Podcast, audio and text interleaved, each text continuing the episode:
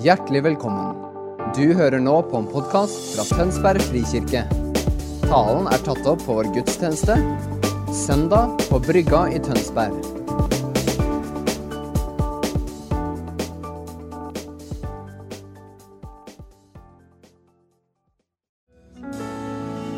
Ja, Jesus, takker for at du er i oss, og vi er i deg. Takker deg for at du kaller oss dine. Takk deg for at du har kjøpt oss, du har utfridd oss, og du har løst oss til å følge deg, til å kjenne deg, til å gå med deg og være ledet av din ånd.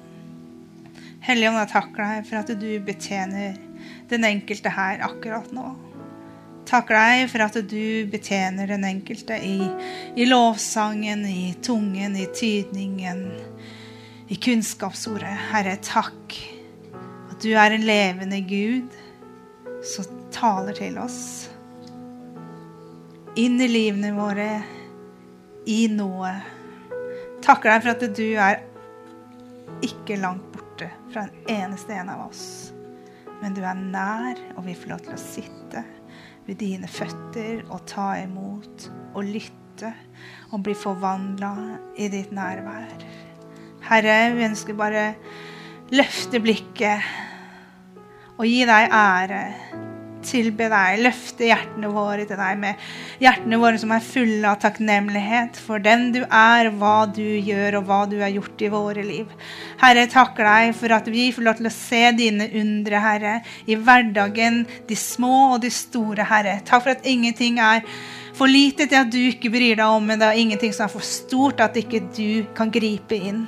Herre, jeg bare taler over forsamlinga her, Herre. Jeg taler over, over hver enkelt en frihet til å følge deg. En frihet til å gå med alt det du har lagt på livene deres. Herre, jeg takker deg for at du kaller hver og en av oss til å gå i frihet, til å leve det livet du kaller oss til, og det livet som du har lagt ned i oss. Herre, vi ønsker bare å gi deg ære, tilbe deg og ære deg. Amen. Ja, god søndag, dere. Morten har jo eh, gitt en sånn liten eh, forsmak på, eh, på dagens tema. Vi er jo i disse Jesus-møtene. Og vi har jo vært innom både Peter og Pontus Pilatus, og ja, de er kanskje litt som to ytterpunkter. Og vi har vel vært også innom Nikodemus, og forrige søndag så eh, folda det ut så fint, Morten, det med, at, med Jesus og tempelet, og hvordan eh, det har kommet nær til oss og er tilgjengelig for oss. Eh, ja, Martha og Maria. Det er jo noen tekster om Martha Maria, både Lukas og Johannes. Og for mange av oss er det ganske kjente tekster, og for noen er det kanskje ikke så kjente tekster.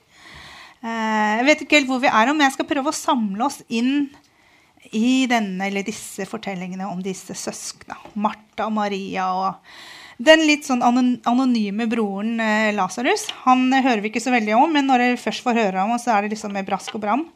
Um, og disse fortellingene om Martha og Maria de møtes vi sagt, i Lukas evangelium kapittel 10, og vi møter Johannes kapittel 11 og 12. Og For oss er den jo delt opp, denne historien. Men i historiefortellingen i Martha og Maria sitt liv så er det jo én fortelling. Det er tre møter, men det er én fortelling for det samles i ett liv. Og Jesus berører jo livene deres på forskjellige måter. Og på hver sin måte og til ulik tid. Jesus som er i går og i dag til evig tid akkurat den samme, som berører oss på ulik måte. Og så berører han oss, men vi ser likevel stykkevis og delt. Han er alltid den samme, men vi er slettes ikke alltid den samme. Våre omstendigheter, hva som skjer i livene våre, skifter. Og noen ganger så skifter det fort. Noen ganger til det bedre, og noen ganger til det verre. For livet er sammensatt. Og sånn var livene til Maria og Martha og Lasarus også. Og der møter vi Jesus, menneskesønnen og Guds sønn. Menneskelig i all sin guddommelighet og guddommelig i all sin menneskelighet. I møte med Jesus så får det hverdagslige og det trivielle en berøring fra himmelen fordi Jesus er der. Og plutselig er ikke Guds rike lenger der framme, langt der borte. Men det blir en realitet her og nå. Bill Johnson har skrevet en bok eh, for noen år tilbake som heter 'Når himmelen inntar jorden'. 'When heaven invades the earth'. Eh, anbefales. En litt gammel, la oss si, Den er skrevet for en tid, siden, tid siden, men absolutt verdt å lese. Og det er litt sånn vi møter Martha og Maria. Og det er sånn Martha og Maria møter Jesus. Det blir litt sånn blading i Bibelen, så jeg håper dere har dere med Bibelen. Ja, så da er det bare å ta den fram, og så skal vi bla litt atter og fram. Og så skal vi liksom få navigert det her på en grei måte, tror jeg.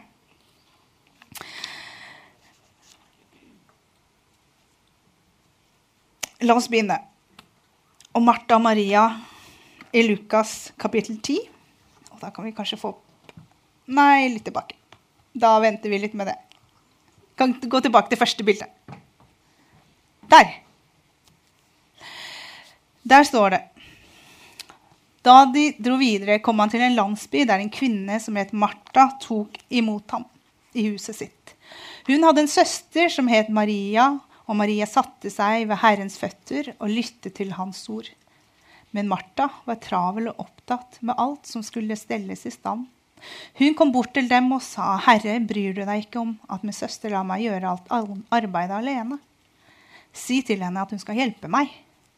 Men Herren svarte henne, Martha, Martha, du gjør deg strev og uro med mange ting, men ett er nødvendig, og Maria har valgt en gode del, og den skal ikke tas fra henne. Og denne historien er jo liksom litt sånn Hva skal jeg si um, Den kjenner vi jo kanskje godt, mange av oss. Det blir litt sånn, ofte litt sånn fremstilt liksom to karakterer, Martha og Maria. Og så er det liksom Maria som på en måte altså, har skjønt det, og så Martha litt sånn, kommer litt sånn hastende, eh, etter. Um, og så sier Jesus um, Maria har valgt en gode del. Men hvis vi ser litt bak det, og hvis vi ser på hvordan Jesus møtte de, hvilken Jesus var det de møtte? Og da har jeg lyst til å trekke fram litt hvordan Jesus møtte Maria, og hvordan Maria møtte Jesus, og Martha møtte Jesus, og Jesus møtte Martha. Og denne fortellingen står seg jo på en måte fint på egne ben. Kanskje har vi hørt fortellingen mange ganger før, som sagt, og den karikerte fremstillingen av to søstres personlighet og karakter med en påfølgende slutning. At det er best at vi gjør som Maria. Og så bør vi slutte å gjøre som Martha. Men fullt så enkelt er det ikke. Når vi zoomer inn på hvilken Jesus er i møte med disse søstrene, så får vi også et portrett av Jesus. Jesus som nærværende. Jesus som tilstedeværende, og en Jesus som har tid. Det står at han var på vandring, og så kom de her, til Betania. Betania var et kjent sted for Jesus. Der har han vært veldig mange ganger. Betania var liksom, liksom, lå litt sånn utafor Jerusalem. Og hvis du skulle opp til disse høytidene, opp til tempelet og tilbe, og sånn, så dro du da gjerne litt sånn forbi eller innom, eller hva skal jeg si, eh, Betania. Man kan liksom jeg håper ikke noen er fra Drammen, da. Men sånn, litt sånn som Drammen, så du bare liksom eh, passerer på vei videre. så Beklager hvis det er noen som er, eh, har et hjerte for Drammen. Jeg skal omvende meg etterpå. Det er greit. Kanskje jeg skal spandere en ekstra kaffe i Abraham, ja. Eller noe. Men vi ser en Jesus som er mer opptatt av å møte av å se og være til stede. Eh, hvis du kan ta opp eh, Ja, skal vi se. Det er Har dere hørt om Ralph Nichols? Dr. Ralph Nichols. Nei, det hadde ikke jeg heller, for jeg kom over det her. Han var en professor ved Minnesota University. Eh, levde sånn på etterkrigstida. Og han jobba Hans ph.d., hans livsverk, var å forske og forstå og kle i ord det med å lytte. Og det å ha en lyttende atferd. Og han har visst hatt en enorm påvirkning innen dette feltet. Langt utover sin framtid. Og Ralph Nichols han påstår eller fastslår at alle mennesker har et grunnleggende behov for å forstå og bli forstått i samspill med andre. Og så knytter han seks aspekter til dette, og da er det slide fem, tror jeg. Der, vet du. Um, og han sier at vi har behov for i møte med andre at den andre er fullt til stede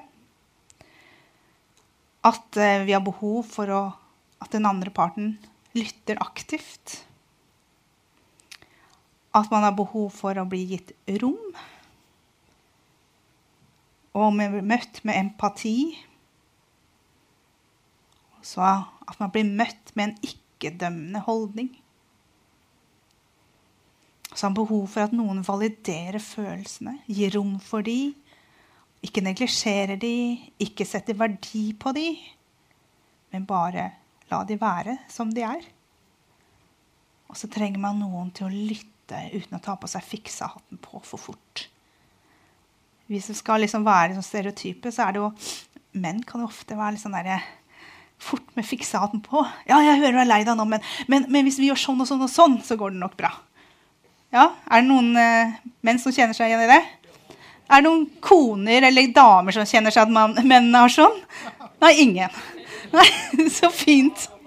Så fint. Da har, jeg, har vi parkert den.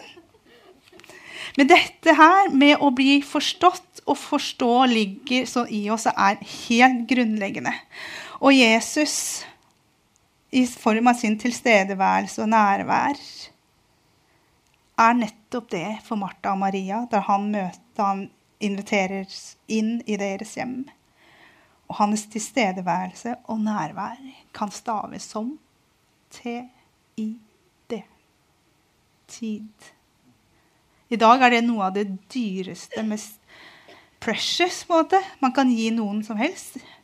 Det å gi tid og ubetinga oppmerksomhet, det er ofte en mangelvare. I hvert fall så er den dyrebar. Jesus i sin ministry han gir rom for Han gir tid til Martha og til Maria, til de som måtte være i huset når, han, når det er gjestebud der. Han gir tid. Og når man gir tid og rom, så gir man noe av seg selv. Og det er den Jesus Martha og Maria møter. Og da er det ikke så rart at Maria inntar en positur av disippelskap. Fordi Jesus er der og åpner rommet for henne til å gå på tvers av hva som var vanlig kultur og kutyme den gangen, men å være en disippel av Jesus. Så Maria blir møtt av Jesus på det hun trenger. Og Martha vi ofte leser den, den teksten om at Martha, Martha, du, du uroer deg og har sted med mange ting så hører, noen kan høre det litt sånn formanende. Hvis man kjenner konteksten når Jesus sier 'Martha, Martha', så er det et uttrykk for kjærlighet. Det er ikke 'Martha, Martha'. Ikke sant? Det er Martha, Martha.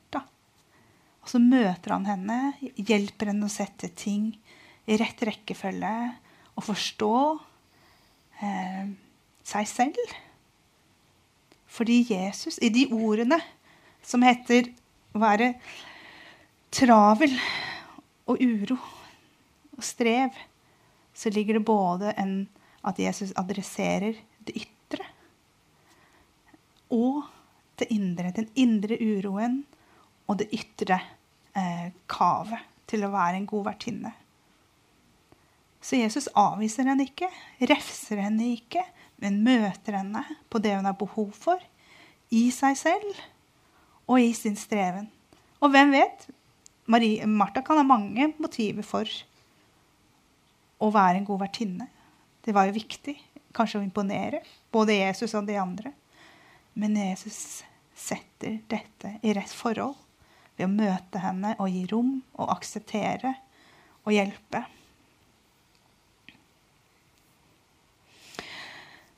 Og så har jeg lyst til å gå til mm, Videre til historien i Lukas, nei, Johannes. Der kan man få følelsen igjen at liksom, nå hopper vi i tid. Og liksom, man kunne Egentlig så ønsker jeg å legge de sammen til én historie. På slutten av Lukas eh, der så kan man, eh, kan man jo tenke at eh, så står det 'litt senere'.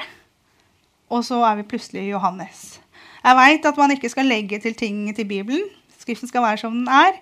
Men bare et tankeeksperiment at her er det gått et stykke tid. Vi vet ikke hvor lenge. Men vi vet at de henger sammen fordi det er ett liv. Og der er vi plutselig i Johannes 11. Jeg skal bare slå opp den.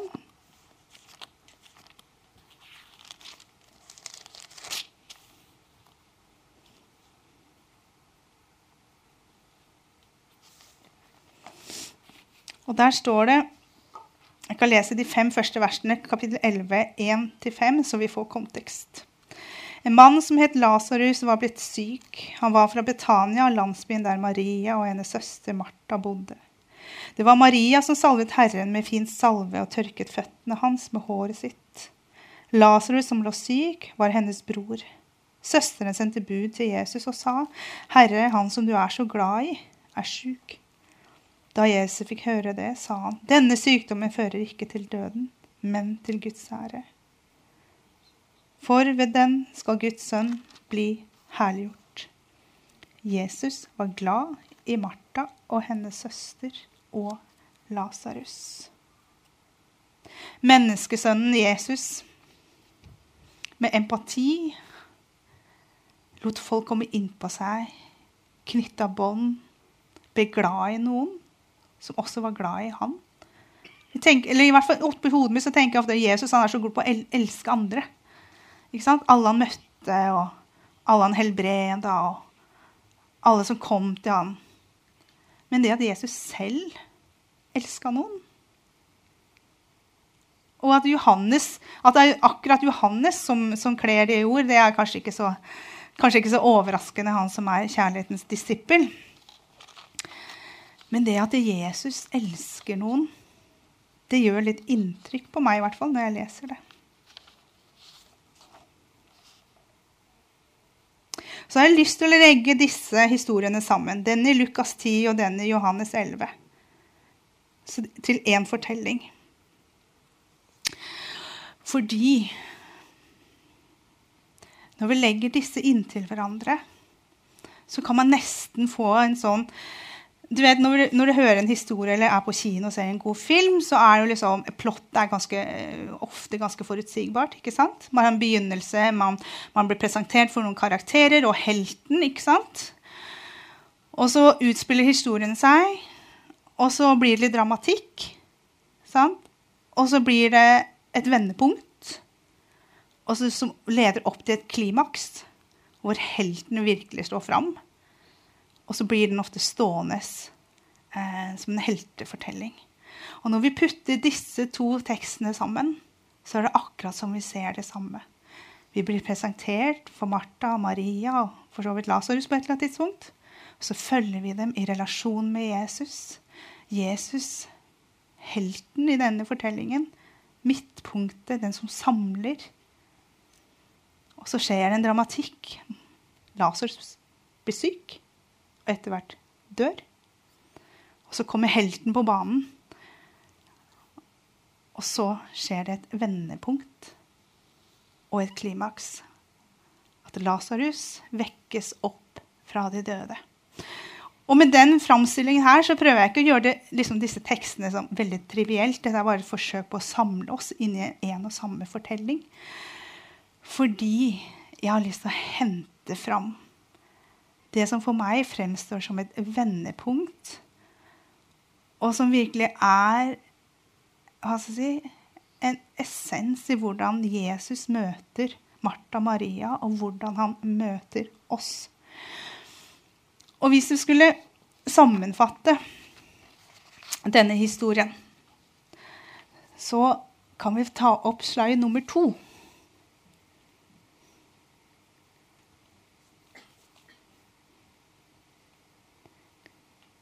Der.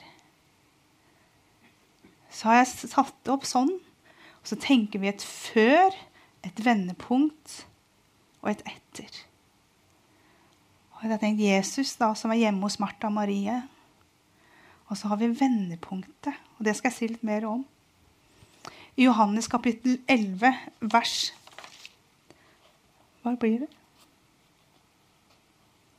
35. Jesus gråt. Akkurat det blir som et slags bindeledd mellom menneskesønnen og som Guds sønn. Hvordan Gud er på display. Hjemme hos Martha og Maria. Vendepunktet Jesus gråter. Og dette etter. Det blir et før og etter dette vendepunktet. Hvor Martha og Maria og de som var rundt der, får lov til å se Guds herlighet. Johannes sier det. Denne sykdommen er ikke til døden, for å, men for å bringe Guds herlighet. Vise Guds herlighet.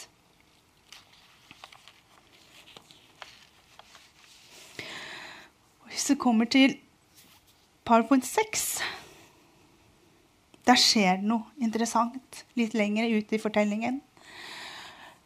Og der står det da Martha hørte at Jesus kom, gikk hun for å møte ham. Maria ble sittende hjemme. Martha sa til Jesus, 'Herre, hadde du vært her, var ikke broren min død.' Men også nå vet jeg at alt det du ber Gud om, vil han gi deg. Din bror skal stå opp, sier Jesus. Jeg vet at han skal stå opp i oppstandelsen på den siste dag, sier Martha. Jesus sier til henne, Jeg er oppstandelsen og livet. Den som tror på meg, skal leve om han enn dør. Og hver den som lever og tror på meg, skal aldri i evighet dø. Tror du dette? Ja, Herre, sier hun. Jeg tror at du er Messias, Guds sønn, han som skal komme til verden. Så tar jeg neste slide.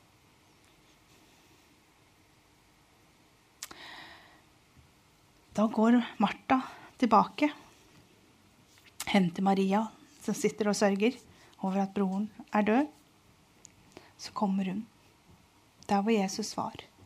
Da Maria kom dit Jesus var og fikk se ham, kastet hun seg ned for føttene hans og sa, Herre, hadde du vært her, ville ikke broren min vært død. Da Jesus så at både hun og alle jødene som fulgte henne, gråt, ble han opprørt og rystet i sitt innerste, og han sa, Hvor har dere lagt ham? 'Herre, kom og se', sa de. Og Jesus gråt. To damer, Martha, Maria, med hver sin relasjon til Jesus. Ikke en relasjon som har behov for å sette en verdi på eller en valør på. Men de kommer til Jesus med, som den de er, men med samme spørsmål. Jesus, hvis du var her, så var min bror ikke død. Og så får de to forskjellige svar. Martha får på en måte en teologisk utleggelse om, at, eh, om oppstandelsen på den siste dag og, og de tingene der. Og så kommer Maria, som vi har lest om to ganger har vært ved Jesu føtter. Som disippel og som tilbeder. Hun salva Jesu føtter og gråt og tørka uh, føttene hans med håret sitt. De får to forskjellige responser, Men Johannes har allerede sagt at Jesus han elska både Martha, Maria og Lasarus. Og det er sånn Jesus møter oss. I vår forskjellighet og i vår ulikhet. Med våre behov, eh, med våre lengsler, med våre brutte relasjoner. Eh, midt i vår sykdom, midt i vårt strev. Egentlig midt i livet og alt det livet kan innebære. Så elsker Jesus oss det samme. Han elsker oss ulikt. For det er det vi trenger. Det er akkurat som, er akkurat som barna våre. ikke sant? Jeg, jeg, er jo like glad i både Sunniva og Iselin. Men jeg behandler dem ikke likt. Sant? Fordi de ikke er like. De trenger ulike ting. De trenger å bli møtt på ulike måter. Men jeg elsker dem jo like mye. Og sånn sett så Litt tilbake til den første historien hjemme hos Martha og Maria. Så blir det Så trenger jo ikke ende der hvor vi er sånn Ja, men du er mest Martha, eller du er mest Maria, og så er det noen som har valgt en god del, og noen som er ikke gjort, og så blir det en sånn er det A og B. B-kristen, eller A og B um, en, hva skal jeg si, en annen valør som vi setter på relasjonen til Jesus fordi den ser annerledes ut hos den ene eller hos den andre. Og akkurat som Martha og Maria møtte menneskesønnen, som var nærværende, lyttende, hadde tid, møtte de der og da. Og like mye møtte de Jesus som Guds sønn. Med kraft og med autoritet fra himmelen til å gripe inn og utgjøre en forskjell, til å endre realiteter. Så er det ikke sånn at vi holder oss enten da til menneskesønnen eller forholder oss enten da til Guds sønn. Nei, fordi at i Jesus så er alt det samme. Når himmelen inntar jorden, når himmelen og jorden møtes, den møtes i Jesus. Når menneskesønnen samtidig er Guds sønn, så er begge deler tilgjengelig for hver enkelt av oss. Så vet jeg ikke om du er her i dag som føler deg mest som Maria eller mest som Martha, eller mest kanskje som Lasarus, som var ganske anonym. Vi får bare høre at han var sjuk, og så døde han, og så bare reiste opp igjen.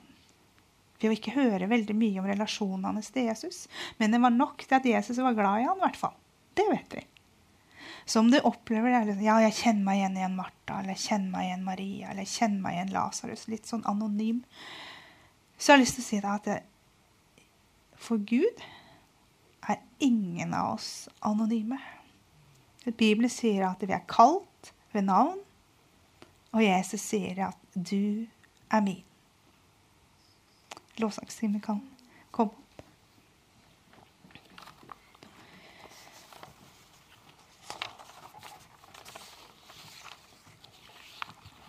Så jeg har lyst til å gå en av, mot en avslutning.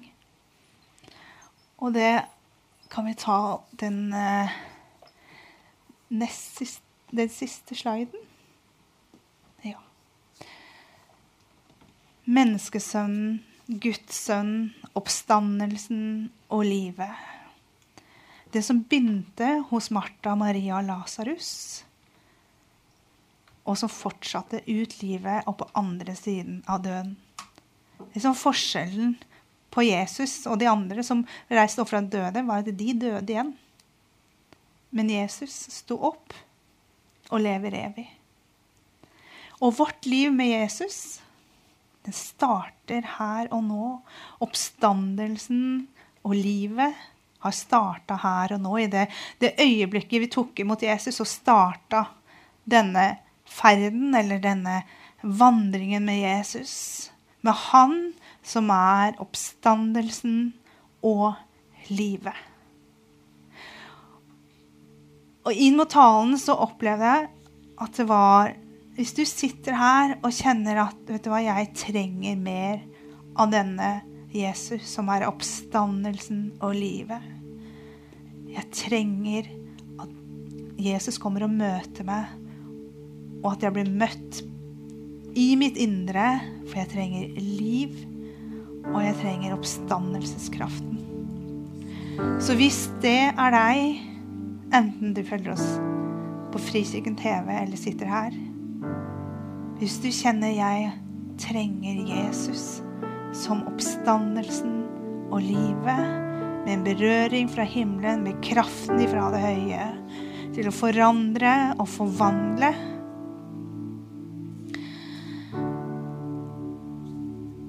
Så kan du legge en hånd på hjertet ditt. Eller hvis du trenger helbredelse, så kan du legge en hånd på der du er syk. For vi tror på en levende Gud som virker med kraft til mirakler, til gjennombrudd, til seier. Så er det ikke sånn at det,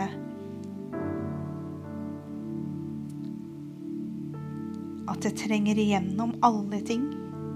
For vi er Guds rike er her, her og nå, men ennå ikke fullt ut. Men vi tror likevel på en Gud som griper inn. Og det er vårt håp. At han griper inn nå. Og det har vært håp at han griper inn, og vi får gå med han. Og vi får lov til å erfare hvordan han er oppstandelsen og livet. Livet her og oppstandelsen i det som venter. Så jeg skal be en bønn for oss.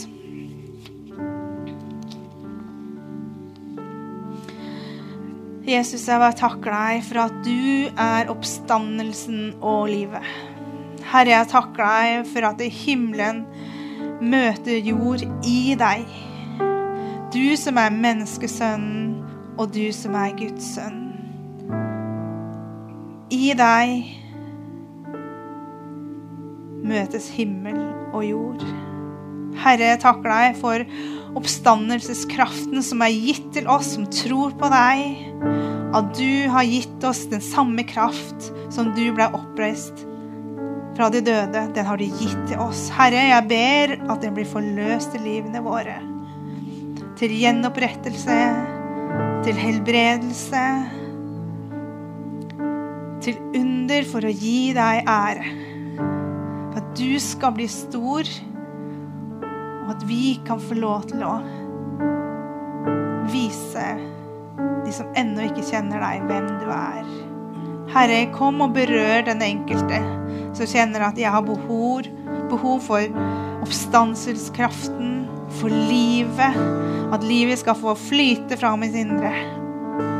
Herre, du har sagt at med din ånd så strømmer det strømmer av levende vann fra vårt indre. Og Herre, når vi, vi, kjenner at det er tørke, så kommer du med din ånd og med din kraft og fyller oss og forløser liv inn i livene våre og inn i de relasjonene vi har. Herre, jeg bare legger framfor deg hver enkelt som sitter i denne salen, og hver enkelt som følger oss på Fristykken TV. Jeg forløser liv og liv i Jesu navn. I Jesu navn i Jesu navn så får du liv og liv i overflod. Og Herren er nær. Herren er i vår midte. Herren er i vår midte. Helligånd, kom og pust. Kom og pust på livene våre. Helligånd, kom og skap det som bare du kan skape. Hellige Ånd, du som var der fra skapelsen av, og som har fortsatt å skape siden du fortsetter å skape her og nå, i våre liv, i vår midte, i denne dagen. Og Jesus, vi ønsker bare gi deg ære. Gi deg ære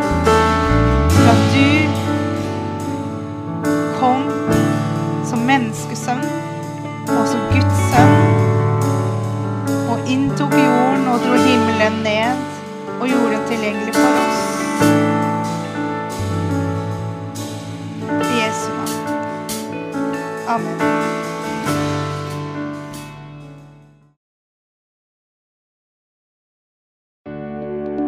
Takk for at du hørte på vår podkast. Har du spørsmål eller ønsker du å vite mer? Søk oss på vår nettside tonsbergfrikirke.no. Du er også velkommen til kirke på Brygga i Tønsberg.